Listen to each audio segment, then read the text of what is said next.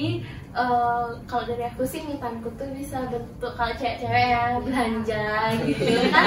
Iya kan boros berkedok self reward Iya, ya benar benar Ya benar benar. Kalau dari aku sendiri sebenarnya kayaknya aku kebanyakan me time.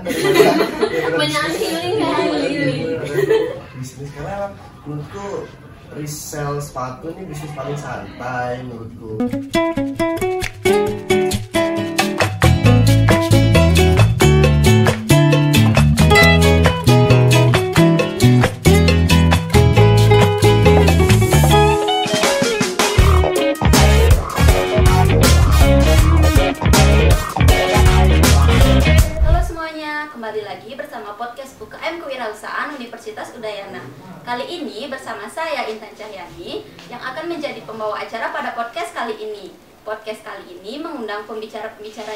Loh. Tunggu apa lagi? Stay tune.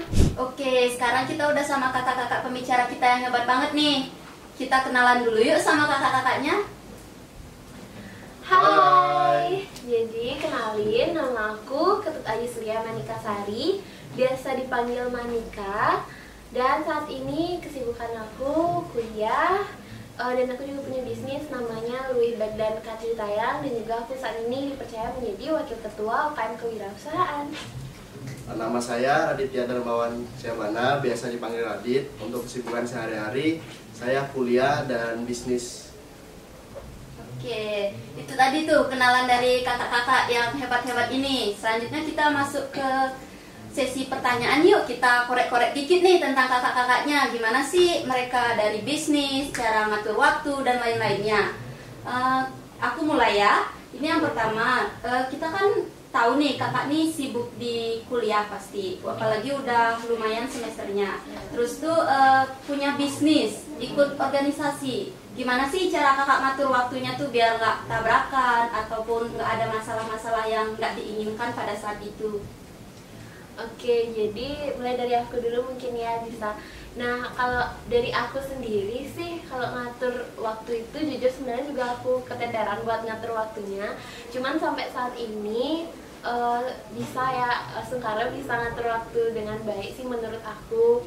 Nah, cara aku ngatur itu, aku biasanya nentuin skala prioritas dulu sih. Misalnya, aku lebih, kan kita sebagai mahasiswa, otomatis lebih ngutamain tentang kuliah dulu kan nih. Kita kan juga mau cepet-cepet lulus juga gitu. Jadi, yang pertama aku prioritasin itu buat kuliah. Habis itu, eh, di lain-lainnya itu baru deh aku ngurusin bisnis aku dan juga organisasi kayak gitu. Jadi, eh, kuliah dulu misalnya aku ambilnya itu kuliah pagi kan. Kita mulai pagi sampai siang itu kuliah. Terus sore sorenya itu misalnya kalau ada kegiatan organisasi atau kepanitiaan kita bisa ngambil job desk-nya di sana gitu. Terus entar setiap weekend kita bisa eh, sambil bisnis juga gitu. Sambil buat konten-konten pemasaran di Instagram atau kayak gitu sih kurang lebih kalau dari aku kayak gitu. Kalau dari aku sendiri, aku lebih mentingin yang di apa ya kayak yang didahuluin itu yang penting yang mana gitu. Eh, misal kuliah, kuliah yang nomor satu, tetapi misal bisnis ada urgent atau ada apa ya mungkin aku ke bisnis dulu baru ke kuliah itu. Terus aku nyaranin juga buat nolak hal-hal yang ajakan yang nggak penting yang nggak- nggak begitu penting lah. Jadi kita kan bisa menggunakan waktu itu buat hal yang lebih penting atau kita uh, ngerjain tugas atau ya konten-konten kayak gitu di bisnis kayak gitu. di sini kan kakak kayaknya udah cukup lama di bisnis. Bisa ceritain nggak sih gimana awalnya kakak mulai dari bisnis dari awal tuh kayak gimana? Dari idenya itu kayak gimana? Apakah dari orang tua mungkin atau mungkin inisiatif sendiri buat kakak tuh ngejalanin bisnis gini? Gitu Eh, mungkin dari aku nah kalau aku itu kan bisnisku bergerak di bidang fashion ya. Di bidang tote bag. Nah aku punya kebetulan punya dua bisnis namanya Louis Bag sama si Kacu Tayang. Nah, kalau Kacu Tayang ini udah aku jalanin dari SMA dari tahun kalau nggak salah dari tahun 2018 atau 2019 kayak gitu.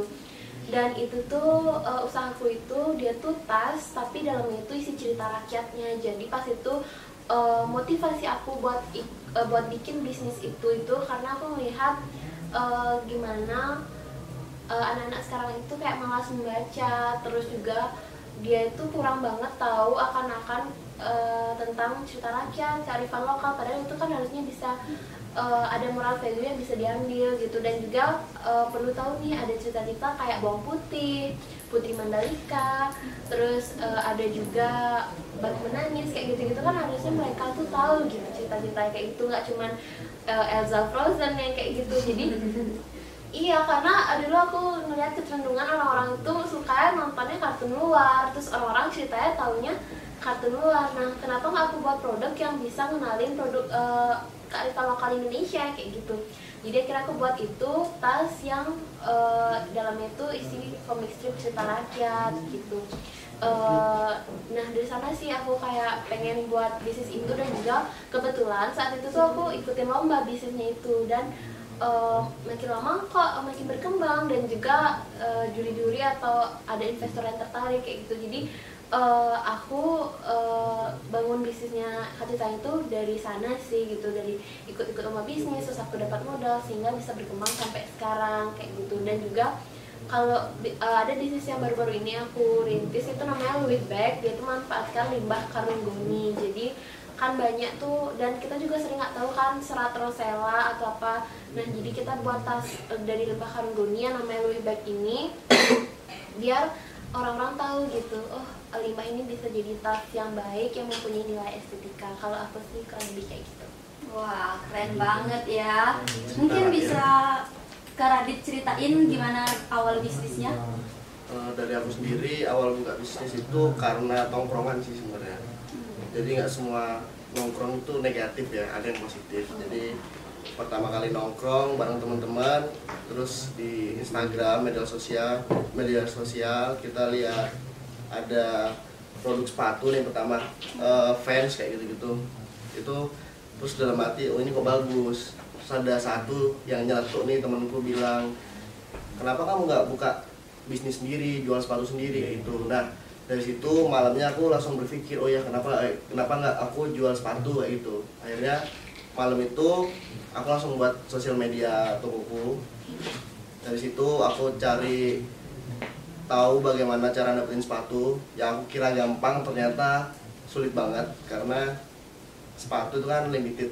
Jadi untuk awalnya aku sih dropshipper dari dropshipper fans dari dari nol modalnya dari untung 20 ribu terus 50 ribu jual Vendela, Kompas kayak gitu gitu untung dikit-dikit lama-lama aku tabung. Terus diputer uangnya aku beralih ke brand salah satu brand besar juga Nike namanya. Aku beralih ke sana. Dari situ aku udah mulai ready stock sekitar dari berapa bulan enam bulan tuh aku udah bisa ready stock. Uh, pertama empat pair sih. Aku dulu jualan itu ini banget apa pusing karena emang harus alun di kalau di di kota aku ada alun-alun kan. Alun-alun di situ jadi aku ngemper di situ. Ngemper tuh bahasa apa ya bahasa Indonesia ya? Ya lesehan. lesehan. di situ sama temanku pakai karpet jual sepatu ini. Ya aku cuma aku nggak berharap laku. Aku cuma berharap orang tahu kalau ada tokoku kayak gitu dan beriringnya progres sekarang tokoku udah punya pengikut sekitar 24 ribu koma berapa dan alhamdulillah artis-artis juga banyak yang beli yang akun-akun Instagram udah centang biru itu banyak yang beli di aku jadi udah pada percaya kepada ke tokoku. Oke, keren banget ya. Uh, mungkin selanjutnya kita kan di setiap bisnis pasti ada pasang surutnya. Kira-kira gimana sih cara kakak ngendaliin pas lagi surut-surutnya tuh usahanya, bisnisnya? Atau mungkin pas lagi naik-naiknya tuh kakak tuh kadang-kadang pengen kayak agak sombong gitu ke teman-teman. Aku loh punya usaha, uh, usahaku maju gitu. Pernah nggak sih kayak terpikirkan gitu kayak gitu perasaannya? Kalau dari aku dulu nih, kalau dari aku dari pasang surut nih pernah tiga bulan awal aku nyerah buat ngelanjutin. Dulu masih zamannya Twitter nih. Aku habis status sana pengen tutup tokoku. Karena emang bener-bener tiga bulan gak ada yang beli. Dan aku juga gak ada di stok karena emang dropshipper aja sih sebenarnya. Bener-bener gak ada yang beli gak ada yang apa. Jadi aku pengen uh, tutup. Aku nggak ngupload selama seminggu kalau nggak salah. Aku nggak upload seminggu. Akhirnya ada yang nasihatin aku kamu ini cuman uh, kamu hanya dropshipper ngapain harus harus nyerah gitu? Kan kita nggak rugi juga gitu. Iya. akhirnya aku mulai upload lagi nih. Nah dari situ aku mulai bikin konten TikTok awal-awal TikTok dari situ. Akhirnya tokoku bisa jadi kayak sekarang dan sekarang udah ada offline store dan stoknya udah 300 re- lebih mungkin. Wow, itu keren. brand Nike ya. Kalau untuk sombong sih sebenarnya enggak ya karena emang di atasku masih ada toko-toko panutanku kayak gitu. Iya, iya. jadi aku masih masih kecil lah dibilang. Mungkin em, kalau dari aku sih karena bisnis aku juga masih berkembang ya nggak sebesar Bang Radit gitu. Jadi aku masih tahap ngembangin bisnisku dan masih inovasi aja sih gitu. Eh, kalau aku tuh karena bisnisku tuh bisa berkembang juga karena aku sering ikutin lomba bisnis juga. Kayak kemarin aku ikutin lomba di Kemendikbud yang KBMI kompetisi berwirausaha mahasiswa Indonesia. Jadi aku coba-coba nih ikutin sana. Terus lumayan dapat pendanaan modal yang cukup besar menurut aku. Jadi itu aku pakai untuk ngembangin usaha aku terus juga lebih inovasi. Dan di sana itu kan ada monitoring juga tentang usaha. Jadi itu juga kita pakai sebagai acuan buat eh, bisnisku bisa berkembang bisnis cerita yang itu tadinya. Eh, terus juga eh, sebenarnya sayang ini kan udah dari dulu juga. Jadi aku sering banget kasih sayang ini udah menang beberapa lomba bisnis juga dan em, bisa untuk berkembangnya itu bisa jauh kalau dibandingin sama dulu produknya itu masih jelek banget menurut aku. Kayak nggak ada quality control terus komentar dari konsumen juga masih dikit tapi sekarang itu kayak udah bener-bener kita perbarui banget gitu dan dapat bantuan modal juga kan gitu. Terus eh, itu sih menurut aku jadi eh, masih tahap untuk ngembangin aja gitu. Eh, terus juga kalau misalnya sombong ke teman-teman itu enggak sih karena di sini aku tuh masih mahasiswa juga jadi masih belajar juga ke teman-teman lain yang punya bisnis mungkin ke Bang Radit juga masih perlu belajar gitu Eh, karena juga aku eh, orangnya sebenarnya minderan juga nih kayak insecure gitu. Oh bisnisnya gede banget gitu. Jadi aku butuh kayak pengalaman dari orang-orang dan ya aku dengan bisnisku sih kayak nggak mau sombong dulu gitu. Aku gitu aja sih. Oke, keren banget ya dari kakak-kakaknya. Eh, mungkin kita lanjut ke organisasi nih ya. Kakak-kakaknya ini kan pasti ikut lah organisasi di kampus atau mungkin di luar. Kira-kira kalau di organisasi itu gimana sih awalnya ikut organisasi? Terutama nih eh, setauku kakak-kakak ini juga ikut organisasi di kewirausahaan Udayana. Gimana sih awal masuknya di kewirausahaan tuh apa ngikut teman mungkin atau mungkin inisiatif sendiri eh aku pengen belajar nih di UKM sini. Iya gitu. Gimana kira-kira kak? Jadi eh, awalnya kenapa aku bisa join ke UKM kewirausahaan? Jadi pas itu kan eh, aku baru masuk Udayana nih terus aku eh, pengen banget nyari lingkungan yang tentang kewirausahaan. Karena kebetulan aku sendiri dari SMA itu udah sering ikut bisnis juga. Terus aku juga eh, suka banget sama hal-hal yang berbau kewirausahaan gitu Eh, jadi aku nyari tempat di mana aku bisa berkumpul dan lingkunganku yang sama, yang satu tujuan sama aku kayak gitu. Nah akhirnya aku masuk dong UKM kewirausahaan gitu karena eh, pas aku ospek ya, jadi eh, ada kan tuh UKM UKM dan nggak tahu kenapa aku pengen aja ikut UKM kewirausahaan karena itu tadi kayak menurut aku lingkungan itu juga mempengaruhi buat ke depannya gitu. Eh, kayak misalnya aku aku punya bisnis nih tapi lingkunganku nggak mendukung kayak aku nggak ikut UKM kewirausahaan jadi eh, lingkungan sekitarku nih nggak ada yang punya bisnis contohnya ya. Otomatis aku ngerasa kayak oh ya udah sih yang temen-temenku lain juga nggak ada yang berbisnis kayak segercep aku kayak berbisnis kayak ini. Mereka diam-diam aja ya udah it's okay nggak apa-apa gitu. Aku juga bisnis nggak apa-apa gitu. Tapi kalau misalnya aku nemuin lingkungan yang bener-bener sama kayak aku yang mereka juga punya usaha dan kita tuh saling gencarin usaha kita kayak eh kamu udah sampai mana usahanya? Udah ikut apa aja misalnya ikut lomba bisnis apa aja terus eh, udah open stand di mana aja. Jadi kita tuh kayak terpacu gitu loh. Dia aja bisa bisnisnya berkembang sampai kayak gitu kok aku nggak bisa? Nah itulah pentingnya kayak kita nyari lingkungan yang um, sama gitu sama tujuan kita. Nanti kita punya bisnis oh aku harus cari UKM kewirausahaan atau organisasi yang berbau kewirausahaan. Bisa wirausaha muda dan pasar contohnya terus bisa hipmi juga jadi aku pas memutuskan masuk itu tujuannya untuk itu. Karena aku percaya kalau misalnya lingkungan kita udah mendukung pasti kita akan otomatis akan ngikut gitu. Iya. beda halnya sama yang aku ceritain tadi. Kalau misalnya lingkungan yang nggak mendukung ya udah kita kayak ya udah jalanin bisnis setengah-setengah kayak gitu sih menurut aku. Jadi biar ada pemicunya gitu. Jadi ya itu aku masukkan ke kewirausahaan dan eh, udah sekarang udah dua periode dan kebetulan juga jadi wakil juga aku seneng banget bisa dipercaya gitu bareng Yulia juga sama teman-teman inti lainnya.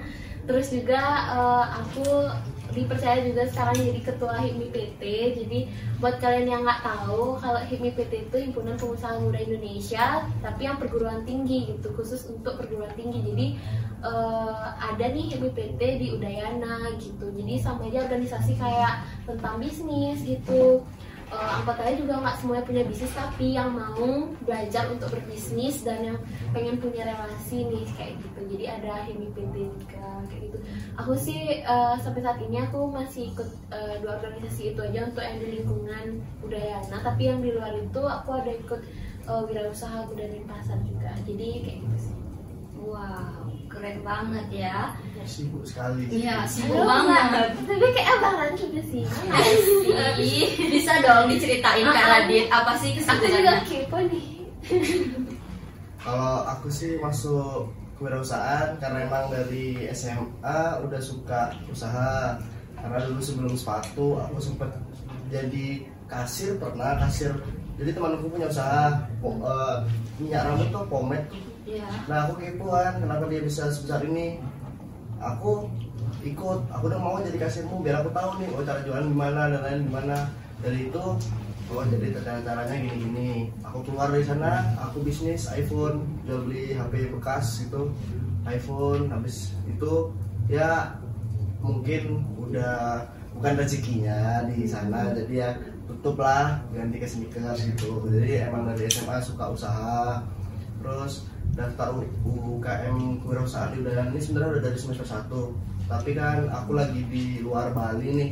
Jadi hanya sekedar masuk grupnya baru waktu semester berapa semester sekarang ya? Semester Empat, empat. semester 4 semester 4 itu baru aku daftar eh, wawancara daftar wawancara, wawancara sama nih ibu ibu wakil ketua itu rame-rame sama yang lain juga kan. Ya alhamdulillah terima. Jadi bisa nambah relasi terus aku kan juga masih masih masih belum suhu lah masih cupu dalam bidang usaha jadi harus banyak belajar juga dari yang lain gitu.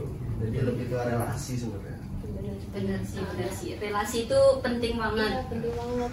Karena jadi kita jualan tuh juga butuh relasi, ya. Heeh. Oke, bagus banget nih. Eh, mungkin kita ke pertanyaan selanjutnya ya kak. Eh, kan tadi kalau nggak salah kak Manika dapat bilang HIPMI nih. Ya. Kalau boleh tahu di HIPMI itu kira-kira jabatannya kakak tuh jadi apa sih? Apa mungkin jadi inti juga? Eh, kalau dari aku sih, eh, aku kebetulan dipercaya sekarang itu jadi ketua HIPPT gitu. Jadi eh, ketua himpunan pengusaha muda Indonesia perguruan tinggi di UNUD, gitu. Aku yang jadi ketuanya kayak gitu sih. Dan eh, aku juga sebenarnya karena tertarik juga karena kebetulan kakak aku juga di HIPMI, jadi aku dengar-dengar dari dia kayak oh, kok kayak seru banget di di HIPMI gitu. Jadi aku pengen masuk. Jadi karena kita masih mahasiswa nih gitu jadi eh, kita bisa masuk yang HIMI PT dulu gitu nanti eh baru kita bisa masuk ke HIMI Denpasar HIMI Bali baru di tingkat nasional kayak gitu sih menurut aku Kalau dari Kak Radit, kira-kira ada tertarik nggak kayak Kak Manika ikut banyak organisasi gitu? kalau aku sih banyak organisasi mau. Cuma aku belum jago ngatur waktunya jadi aku satu-satu dulu lah kayak UKM perusahaan terus aku juga masuk IPMI Amerika tapi sebagai kepala bidang gitu jadi nggak mau sebanyak Marika dulu lah. Karena masih, nggak banyak banget. Masih sih Bu. fokus kuliah juga ngembangin bisnisku jadi belum mau banyak organisasi. Eh, yang aku tahu nih, Kak Radit itu kan eh, fakultas pertanian ya. Kenapa sih bisa terpikirkan buat nyari bisnis gitu loh. Padahal setahu kita tuh uh, pertanian tuh kayak agak menyimpang dari bisnis. Agak menyimpang bukan menyimpang banget gitu. Kenapa sih gitu milih bisnis? Karena uh, aku buka bisnis ini sebelum aku masuk ke pertanian. Jadi awal lulus SMA masih uh, rame-ramenya covid tuh. Kan kita covid terus nggak sekolah nggak apa-apa nggak dapat uang jajan nggak bisa keluar kan? Karena hmm. emang kalau eh, masih SMA uang jajan dari mana selain dari sekolah kan? Hmm. kecuali keluar masa aja terus-terusan minta ke orang tua gitu kan? Sungkan udah SMA minta gitu kan? Nggak enak. Akhirnya ketika di sana aku buka bisnis duluan baru alhamdulillah kan aku lewat jalur yang SNM jalur undangan. Nah dari SNM itu aku pilihan pertama emang pilih FEB pilihan kedua itu aku pertama cuma milih satu nih FEB iya. tapi kan uh, kata orang tua aku pilih aja uh, nomor duanya. Aku kan nggak tertarik selain FEB nggak ada lagi tertarik. Ya aku ikutin kata orang tua. Ya udah pertanyaan aja ya udah pilih. Eh FEB nya ketolak pertanyaannya masuk. Tapi nggak apa-apa. Mungkin rezekinya kakak di sana ya mungkin rezekinya di sana ya. tapi pernah terbesit nggak? Loh kok aku nggak masuk FEB pindah deh. Itu pernah nggak terbesit dalam diri kakak tuh pindah jurusan dulu pernah pindah jurusan pingin dulu pingin. Cuman katanya sih bayarnya kan mahal. Kalau aku sih oh daripada pindah mending uangnya aku putar lagi buat bisnis kan. Oh. ya udahlah akhirnya usah lanjut dari pertanian. Udah jiwa-jiwa bisnis oh, banget ya. jadi nggak perlu masuk FEB juga udah bisa berbisnis loh guys udah ternyata. bagus banget itu. Udah mikirin balik uang lagi iya. gitu. Hmm. oke okay, bagus banget sih. Uh, mungkin selanjutnya kan kalau kita nih remaja-remaja pasti perlu yang namanya me time yeah. buat jalan-jalan. Atau mungkin punya pacar gitu jalan-jalan sama pacarnya. Kira-kira uh, sempet nggak sih dari kesibukan kakak-kakak nih jalan gitu me time buat diri sendiri gitu? Kira-kira sempet nggak? Kalau dari aku sih sebenarnya harus sih itu. Soalnya itu tuh kan kita udah bekerja keras misalnya dalam organisasi atau kita ikut kegiatan lain. Itu kan menguras pikiran juga dan tenaga. Jadi menurut aku itu penting buat self reward aja sih. Kayak gitu. Jadi uh, kalau dari aku sih mitanku tuh bisa bentuk kalau cewek-cewek ya belanja gitu kan. Iya kan boros berkedok self reward. Ya benar benar ya. benar ya itu sih kayak pergi uh, chill sama teman-teman juga. Terus kadang juga uh, kita kayak kemarin ya nonton konser jadi me time juga sih itu. Sebenarnya kayak uh, aku karena aku ekstrovert jadi eh ya pokoknya aku ekstrovert sih jadi aku lebih su sebenarnya nggak suka sendirian banget gitu. Jadi me timeku itu juga sama teman-teman sama pacar juga. Jadi uh, gimana sih biar happy aja yang penting happy gitu sih. Jadi aku. Kalau dari aku sendiri sebenarnya kayaknya aku kebanyakan me time kebanyakan healing ya healing. Bisnis karena menurutku resell sepatu ini bisnis paling santai menurutku. Karena kita bisa kita tiduran tinggal main HP itu doang. Kan ada yang beli atau tinggal transfer karena itu ngirim ya mungkin hanya packingnya aja yang kita gerak kan itu tapi aku sih lebih banyak waktu mitanya karena kalau di kos nih wifi, wifi nya kan lemot. Jadi iya. aku harus keluar. Mungkin pagi-pagi dengan jam 9 tuh jam 10 aku udah ke Starbucks atau ke mana. Karena di situ juga aku sambil rebutan sneakers gitu. jadi nyalain laptop sambil rebutan sneakers dan lain-lain kayak gitu. Jadi mitanya banyak sih kayak tiba-tiba pergi ke mana tiba-tiba ke sini ya. Hmm. banyak. Uh, terus kan me time nih. Hmm. pernah nggak sih kebablasan gitu? Aduh aku lupa nih kerjaan deadline sekarang misal. Terus tuh tapi kebablasan buat me time. Gimana sih? Pernah atau gimana cara ngehindarin itu kayak misalnya deadline-nya sekarang jam 12 kita masih di tempat main nih jam 11 tuh. Aduh tapi kita baru ingat uh, kira-kira gimana sih caranya kakak-kakak atau jika pernah pengalaman kayak gitu? Uh, jadi kalau dari aku sendiri uh, asal karya nggak pernah gitu mitan kebablasan kayak gitu. Paling makanya tuh tadi aku buat skala prioritas sama misalnya aku jadwalin gitu uh, misalnya di hari ini eh, aku kuliah sampai jam segini habis itu ada acara kepanitiaan atau organisasi. Jadi aku udah atur gitu kebablasan. Itu paling kayak ngaret dikit-dikit ya gitu sering sih.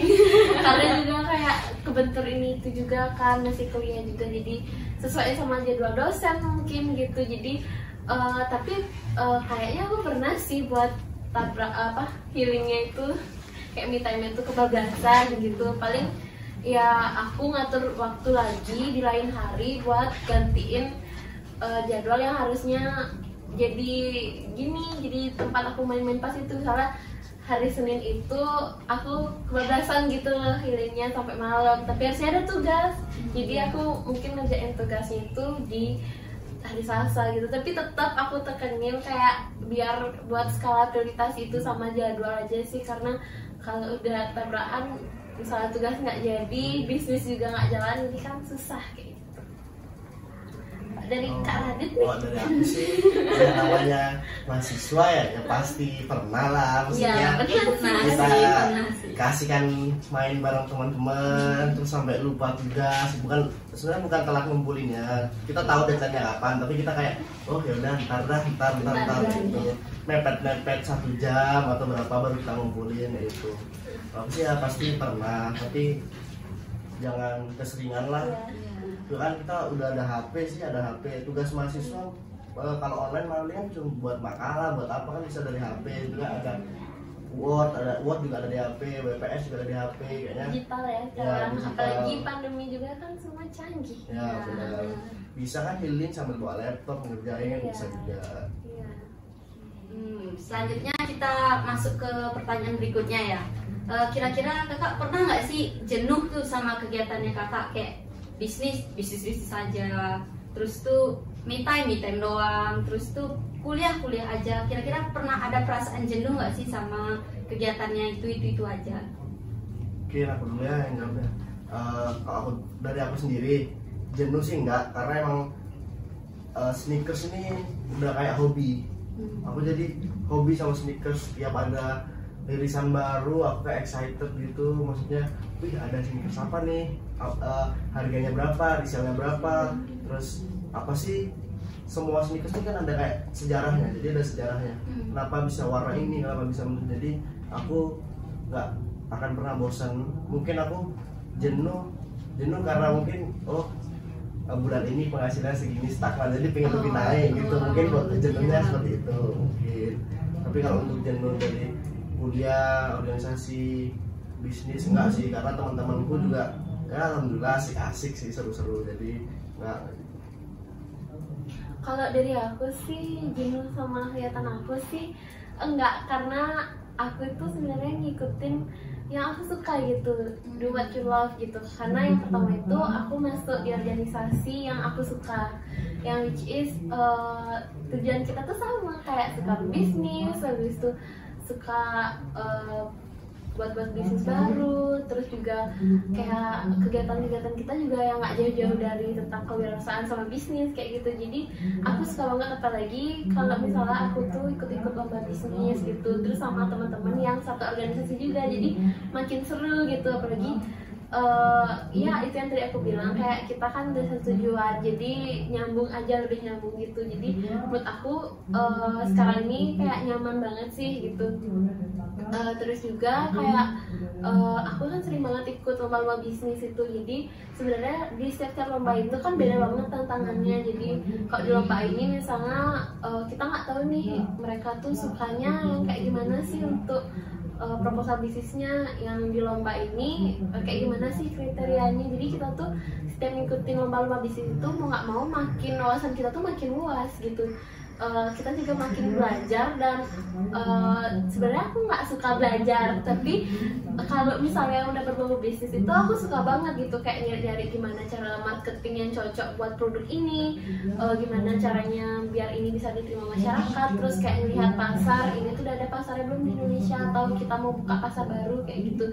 Jadi eh, itu tuh sebenarnya aku suka banget karena itu tuh challenging gitu loh menurut aku. Jadi menurut aku nggak nggak jenuh gitu aku jalaninnya. Terus juga uh, selain itu juga aku punya kegiatan-kegiatan lain yang uh, emang aku suka gitu. Kayak misalnya aku bisa LS extension gitu. Jadi aku uh, coba-coba LS extension coba-coba nerja kayak kayak gitu. Jadi menurut aku nggak jenuh di staff di sana aja. Aku bisa nyari kegiatan lain gitu. Kalau aku misalnya andai kata aku jenuh di bisnis atau di kegiatanku kayak gitu sih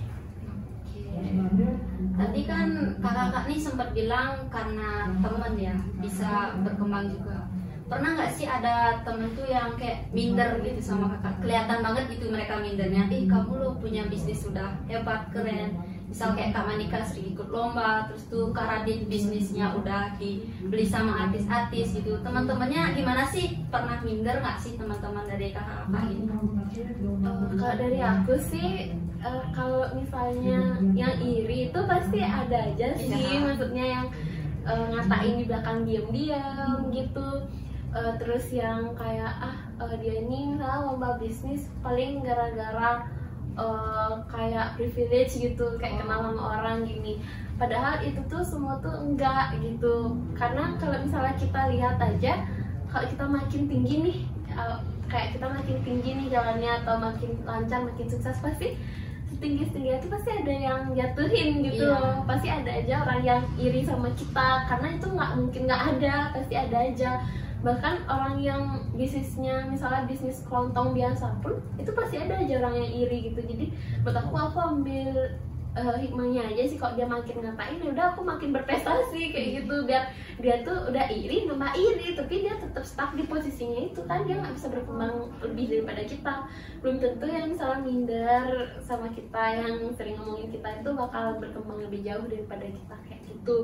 Terus juga eh, caranya aku buat gini teman-teman yang kayak misalnya ngatain atau gimana tentang bisnis itu sih eh, menurut aku ya udah eh, yang penting kita jalanin aja eh, bisnis kita kayak eh, kembangin lagi gitu biar mereka tuh bisa ngeliat kalau bisnis kita tuh emang berkembang tanpa orang dalam atau apa kayak gitu. Tapi sebenarnya privilege itu butuh untuk di bisnis untuk kembangin bisnis juga kan. Jadi em, ya kalau dari aku ya udah eh, bodo amatin aja lah ya. Dan kalau emang dia mindernya beda nih mindernya kayak ajarin dong kayak gitu. Aku malah suka banget sama orang yang kayak gitu sama temen-temen aku gitu biasanya.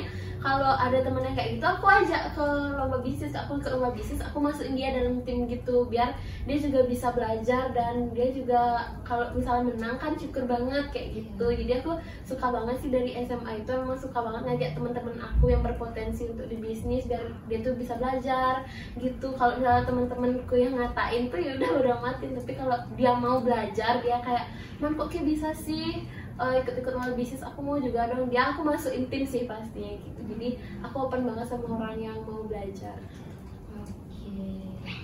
Kalau dari aku sih aku nggak tahu ya ada orang yang yang maksudnya iri sama aku atau apa nggak tahu. Karena aku orangnya mudah amat sih jujur. Aku Hmm. orangnya mudah amat nggak suka dengerin kata orang. Karena emang ini hidupku kenapa aku harus ikutin kemauanmu kayak gitu. Aku nggak nggak tahu tapi dari teman-temanku sendiri sih setauku yang aku tahu nih nggak ada gitu malah teman-temanku ada yang kayak terpacu buat bisnis ya aku support. Kayak ada yang udah ngekonten YouTube ada motovlog juga ada terus ada yang jual HP juga ada. Nah itu temanku yang jual HP ini kan baru nih dia berjual HP aku udah pernah kan dari lama ya aku kasih tahu oh kamu nih di sini di sini celah-celahnya kayak gitu biar bisa dapat keuntungan juga gitu jadi aku support sih teman-temanku yang buka bisnis baru kalau untuk teman-teman yang iri ngejatuhin aku ya mungkin pasti ada cuman akunya aja nggak tahu Iya, benar. Ya, aku Karena- lebih bodo amat sih Ya, karena setiap manusia pasti punya haters ya. Ya. ya pasti ada aja gitu Iya, nggak mungkin sih kalau nggak ada haters di antara teman pertemanan. Hmm. ya pasti banyak lah terus kayak membandingin harga juga banyak sih ada circle Iya. dalam circle Iya, gitu. benar, benar, benar. Eh, terus kita lanjut deh. oke. Eh, apa sih saran-saran dari kakak-kakak nih buat teman-teman kita semua? Eh, cara ngatur waktu eh, bisnisnya kayak gimana? Kasih dah saran semenarik dan bermanfaat mungkin buat teman-teman kita. Menurut kakak tuh gimana? Dari Radit aja nih. Kalau dari aku sih jangan ini ya jangan takut mencoba ya. Karena emang kalau nggak dimulai itu kita nggak bakal tahu. Sebenarnya anak-anak muda sekarang ini idenya kalau aku eh, cari tahu ini banyak banget dia ini. Cuma dia nggak berani buat eksekusi gitu. Dia takut. Pasti yang dipikirin kan kegagalannya dulu. Aku ntar kayak gini dipikir. Kalau kayak gini gimana ntar ya? Nah itu kan dipikir kegagalan dulu. Harusnya langsung aja terjun kan. Mungkin ntar dikasih jalan yang lain ya. Jadi untuk mau mulai bisnis ya kamu harus berani mencoba gitu untuk atur waktu itu ya setiap orang punya caranya sendiri untuk mengatur waktu yang paling penting jangan sia-siakan waktumu buat or- yang nggak penting-penting sih Kalau dari aku sih yang pertama nih aku saran cari lingkungan yang bisa buat kalian maju kayak gitu sih. Soalnya kenapa? Karena yang tadi aku bilang kalau kalian pengen ikut berbisnis, pengen mulai bisnis, kalian harus cari lingkungan yang juga orang-orangnya bisa berbisnis dan juga yang berbau kewirausahaan kayak gitu. Dengan itu kalian bisa terpacu. Eh, terus juga eh, kalian juga kan sekarang seperti yang tadi Radit bilang udah bagus semua nih ide-idenya bahkan aku ngeliat eh, di fakultasku itu eh, banyak nih yang bisnis bisnisnya itu bagus-bagus banget idenya tapi belum jalan kayak gitu. Nah dari eh, kalau aku sih bisa saranin ikut lomba-lomba bisnis di mana lomba-lomba bisnisnya itu nanti eh bisa ngasih modal ke kalian kan lumayan gitu. Soalnya yang aku tahu banyak banget ada business plan competition ada marketing plan competition di mana kan bisa ngumpulin modal buat bangun, bangun bisnis kalian dengan kalian ngikutin itu kayak gitu. Sama halnya dengan aku aku udah ngikutin lomba-lomba bisnis itu dari SMA dan aku tuh eh, seneng banget gitu karena saya dapat pengalaman dapat bantuan modal juga kayak itu dan juga yang terpenting dapat relasi juga sih dan komunitas kayak wirausaha gitu. Eh, terus juga eh, konsisten aja. Kalau emang kalian mau bangun suatu bisnis eh, dengan lingkungan yang sudah mendukung pasti kalian bisa kok asalkan kalian konsisten kayak gitu Eh, nanti di eh, di misalnya nih di UKM kewirausahaan kalian ikutin eh, kalian ketemu nih sama temen yang punya bisnis. Terus kita juga di eh, program kerja kita juga bakal ada open stand open stand gitu. Otomatis kalian kayak eh, kalian juga bisa ngembangin usaha kalian di sana di UKM kewirausahaan kayak gitu. Kalian ikut nanti ada pengembangan bisnis kalian tawarin mau open bisnis mau open stand gitu maksudnya. Jadi eh, secara nggak langsung juga kalau kalian masuk komunitas atau organisasi kewirausahaan kalian juga bakal jalan bisnisnya gitu. Menurut aku sih dari pengalaman aku kayak gitu. Terus juga eh, jangan takut gagal karena kalian coba-coba aja dulu. Dari aku SMA tuh seperti Radit juga udah ganti-ganti bisnis dari jalan HP habis itu banyak deh gitu Raditnya sampai akhirnya sekarang nemuin sneakers gitu yang dijual yang bisa sukses gitu. Nah sama aku juga kayak dulu aku sering banget jual perintilan-perintilan kayak aksesoris aksesoris yang dari China gitu gitu. Terus karena pandemi itu udah nggak bisa import dari sana lagi. Jadi udah di close kan pas itu sempet.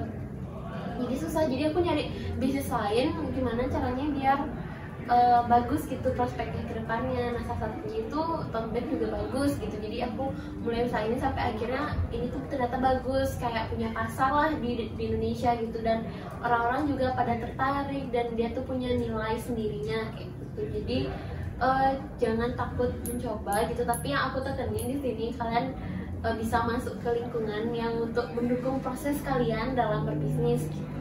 nanti itu pasti kalian kayak banyak yang bantu gitu loh di sana menurut aku sih itu sih dari aku Oke, itu tadi tuh pesan-pesan dari kakak-kakak kita yang hebat-hebat ini. Mungkin kita mau nanya nih, ada nggak sih quotes penyemangat dari kakak tuh? Kira-kira sepatah dua patah kata lah sebagai kata-kata penutup dari kita kali ini. Kalau dari aku sih lebih baik jadi ikan kecil di kolam besar daripada ikan besar di kolam kecil kayak gitu sih Wah, keren banget. Dari Kak Radit gimana? kalau dari aku saat kalian gagal kalian hanya perlu mencobanya dengan cara yang lebih cerdas lagi Mantap banget sih. Oke, karena udah ada quotes penutup, kita akhiri aja nih. Makasih banget buat kakak-kakak yang udah nyempetin datang pada kesempatan kali ini. Aku mewakili teman-teman yang lain mohon maaf kalau ada kesalahan kata. Kita tutup bareng-bareng yuk. oke Sampai jumpa di podcast kita selanjutnya. Bye-bye. Bye.